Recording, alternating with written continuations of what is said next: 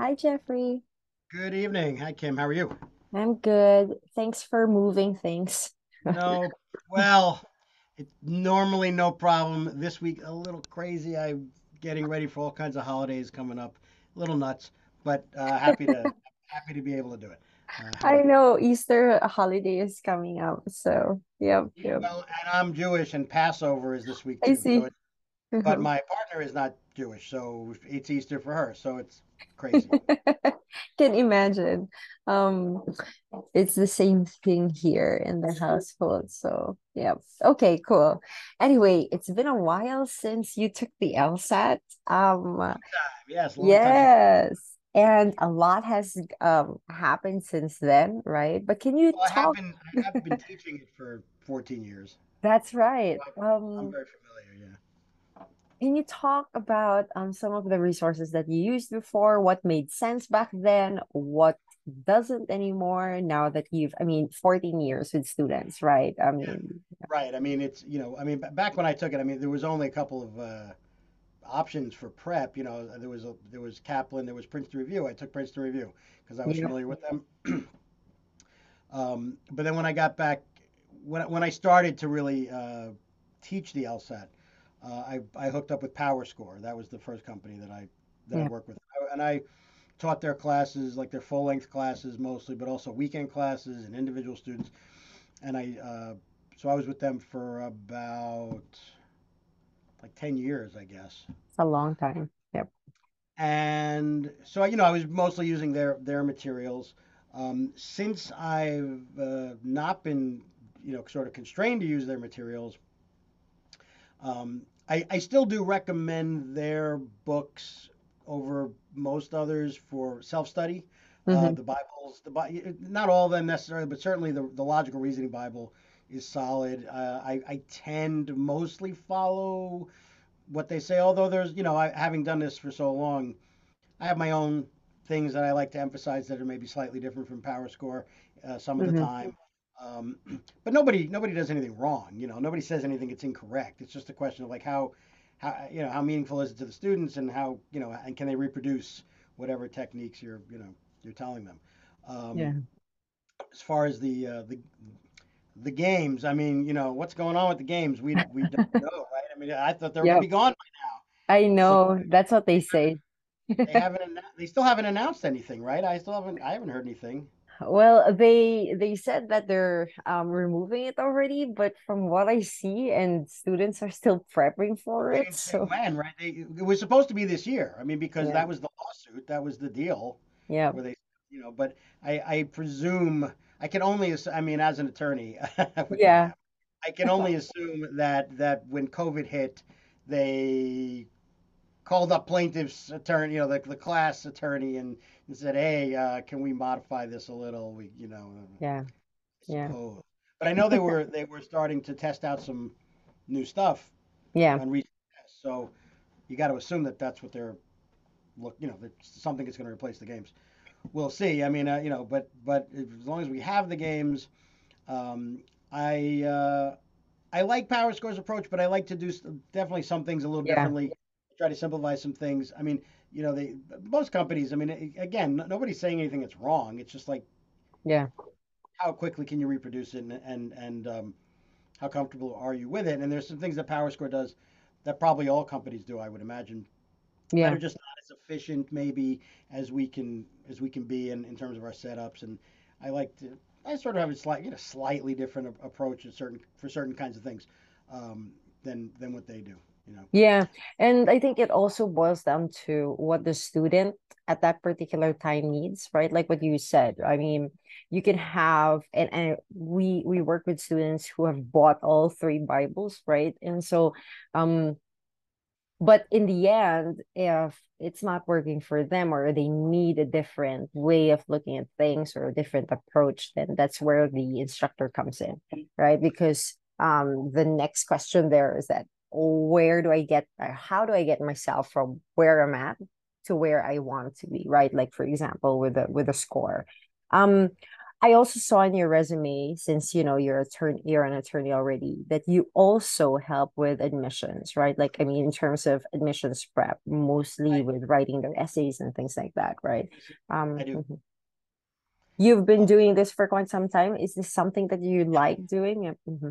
Oh yeah, I, I I was an English major in college, so I I always like working with, you know, writing and editing. I was I I, I ended up becoming a good in law school. I my second summer, I worked as a legal editor for at a publishing a legal legal publishing company, and they offered me a job. But I at the time I was like, oh no no, I'll go to a firm and practice because that's what I was doing. But I looking back, I think I you know maybe I I mean maybe I should have done it because I, you know, I was good at it and I, I enjoyed it. Mhm. Although I don't know how legal publishing is now, you know, what happened uh, over the Yeah. years with everything being digitized. But at the time, certainly it was uh, something that I enjoyed doing. Um, and so when it comes to, you know, the, the essays, um, I, I, I always like working with students um, on that stuff because it, that's the fun part is like really talking to them more in depth and figuring out like, what's your personal statement going to be like? There is no just one way to write a Yeah. personal statement. There's so many ways. So and students tend to be pretty happy with uh, what their finished product is after I work with them, which you know I'm, I'm, I'm Yeah. Yeah. Okay. Cool. Um, when you took the LSAT, which was quite a while back, right? But um, was there a particular section that you saw the most improvement on? Um, I, I the reason I ask this is because I just find that some instructors, maybe not applicable to you, but some instructors, that's the type or that's the section that they like to teach the most because they've improved in that section. They've also found a certain, like what you say, you know, you have a certain method that you learn while prepping for the LSAT that you want to impart to students in your case was that the was that the thing um i know that you got back to the yeah go ahead it's, sorry it was re- such a long time ago, but I mean I think it's what was what's true today. I'm sure had to be true then. The logic yeah games, yeah most people don't do them for fun in their spare time. yeah Although I used to occasionally, yeah, there, were- there, were- way back there was this. It used to be this magazine called Games Magazine, And every time I would take a flight, I would I would pick up one at the like the, the airport newsstand, and there would be puzzles and some logic games in it. But it's not like I was like a into logic games. So yeah, that's probably the one I, I learned the most. But I really am a word guy too. So logical reasoning, I just you know I could talk about it forever. I I, I you know I, I I I enjoy teaching that a lot too. yeah Um, reading comp is maybe a little less fun to talk about, but certainly you know, I, I enjoy doing it too. It's just there's there's less to sort of um, I think to teach with it because hmm everybody knows what it is. Everybody does reading comp, as opposed yeah to games. You know, nobody does games, but everybody has to do reading comp.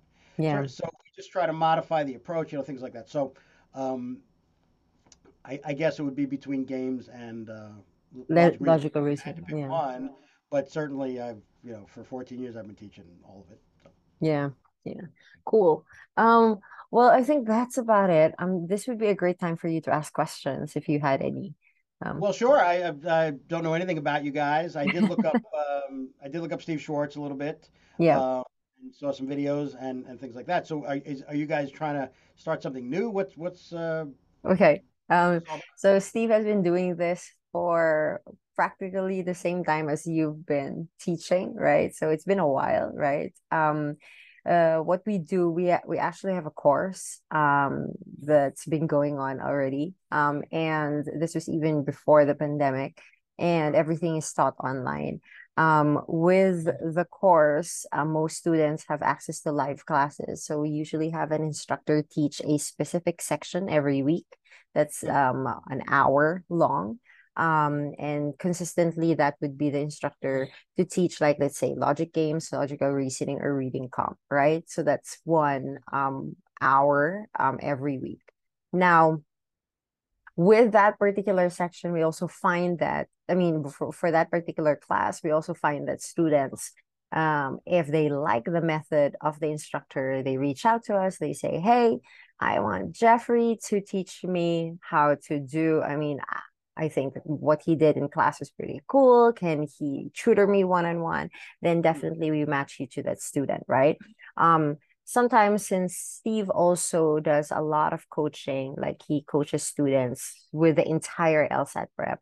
Some students will come to him and say, Hey Steve, I know that we've been coaching for a while, but I really need one-on-one um, you know, help when it comes to logical reasoning or reading comp. This is uh, a section that I really want to improve on. What we do is we also match that with the instructor who does um the the lessons. So yep, yep. Um, I, I I'm not sure. I mean, look, I, I I know what LSAT instruction is about. I've done it a lot. I I mean, um, I guess it's not that important for right now. I, I'm just curious as like, you know, how how how many hours are you, are you are you looking to hire someone or just lots of people and you know occasionally? I mean, I I, I don't Yeah. get I don't know what your your sort Yep. of uh Okay. structure like, you Um, so a lot of the instructors that we um work with, um, we have some instructors who stay on with us for a longer time. These are people who usually like to tutor, right? They usually do it on the side. Um, they either have a full-time job or they're either in law school, and so they they're juggling a lot of things, right? So that's what. But some of our instructors, they already tell us early on that they're going to be teaching the LSAT only until they get into law school. As I mean, you know that, right? Like once you get your first year of law is wow, that's that's a crazy thing to do to actually do a lot of things or have a lot of things on your plate. So right now, um, to be honest, um, there are two of our instructors who are going to law school this um so, and so we're preparing for that. We're already looking for instructors that can teach um their classes. So yeah, yeah. What what time of day Ah, okay. It's usually around 7 p.m. to 10 p.m. Eastern, anywhere around that time. We also find that a lot of our students who look for one-on-one tutoring sessions, they usually want a tutor around that time because most of our students are, you know, either working or also studying. So, um, anywhere between 7 p.m. to 10 p.m., mostly weekdays. Uh, we have students who sometimes request for weekends, but I think they usually take a break on a weekend. Um, so yeah. And we also do recommend that they take breaks, right? As you know, you know, it can be, yeah, yeah. So yeah, that's that's basically it. That's how we do things. Now, probably you'll also ask since you've been tutoring for a bit, right? Um, uh when it comes to methods right we are very um like flexible in a sense. Um of course we would love for you not to suggest anything else but the um official prep tests. That's also because we believe that at least with LSAT Unplugged we believe that that's the only thing you probably need um to purchase outside anything else right like you um, use the the official prep tests for practice exams. But um, anything outside, like for example, if you have a certain method and say, "Hey, can we do this instead?" We actually encourage stu- um, you know, teachers to have a little bit of their um, method taught because students like variety. What works with one instructor may not work for them, and so they're always constantly looking for okay, this instructor's methods may not suit mine. And so, okay, maybe yours will, you know, and, and they can relate more to it. We find that a lot of the instructors who really stay on are those that are flexible. They can um, sense, at least if a student is having a hard time eh, during the live class and would mostly adjust to um, you know what the student needs. Now uh, a popular question also is since it's a group class i mean with one-on-one instructor uh, you know one-on-one instruction right uh, you can adjust easily right? Because you can see okay this student needs help with this one or this may not work for that student. It kind of gets challenging because if it's a group class, you have people with different levels. Um, but most of the time, um, those who attend group classes are anywhere between the beginner to intermediate level. Um, those who are more advanced in their prep, most of the time, they attend one or two live classes, but they would rather spend their time doing practice tests. So, yeah, yeah. Understandable. I mean, you know, they probably, they probably feel like it moves too slowly in the class if they're advanced. Yes, that's How many right. Mhm. How many uh, students would there be in a class? Okay. Mostly, um, at least five students. We would have at least five students. Some of our popular classes is depending on the um, cycle. So I think this cycle, a lot, I mean, the biggest class that we've had would be 12 in lo- logical reasoning, right? Um, there was a time that logic games was the most popular one. Um, reading comp, um, there was a time that we had like about 15 students in reading comp. So it really depends, I think, on the cohort that joins us. Um, but for now, I think logical reasoning is the popular choice. Yep. So is it is it so is it a course over several sessions or is it are these one shot classes? Like here's Jeff's approach to Okay, good. Um, so a lot of these classes, you usually um we plan ahead of time. Most of the time we say, okay, this is the topic for this class. Oh, okay, Um, sense. yeah, just so that you're prepared. But as you know, because you've been teaching the LSAT for quite some time now, um, in class, sometimes you'll have students say, Hey, hey, hey, I know um this is off topic, but can you like um can you cover this since we're covering, for example, a necessary assumption question? Can you talk more about it? Um, things like that. But most of the time, things basics like that are covered in the video course. Um, they have access to that. So a lot of the questions that they ask in class is, okay, I've uh, I've done something similar in the past. Um, this has not worked for me. What can you show me how? I mean, can you show me another way of doing it? Something like that. So, but yes, these are usually preset. Um, most of the time, classes are usually requests of students. I mean, when it when it comes to topics, like we usually gather requests of students that say, "Hey, um, this this is like for example there's a new prep test that came out most of the time students will say hey there's a new prep test that came out can we cover that for this month right? Something like that yep. So is it fair to say that like it, as opposed to giving out like written materials, it's really the videos that they start with to get a foundation? And then we supplement with classes? That's interesting. Yeah, that, that's a little different. I, that's Yes, yes. Um, that's a different approach that we do because we know that, well, at least for some of our students, they either bought a book before or some of them they're starting fresh. I think also the generation is quite different now. Like, um, we find that a lot of students they find their information online.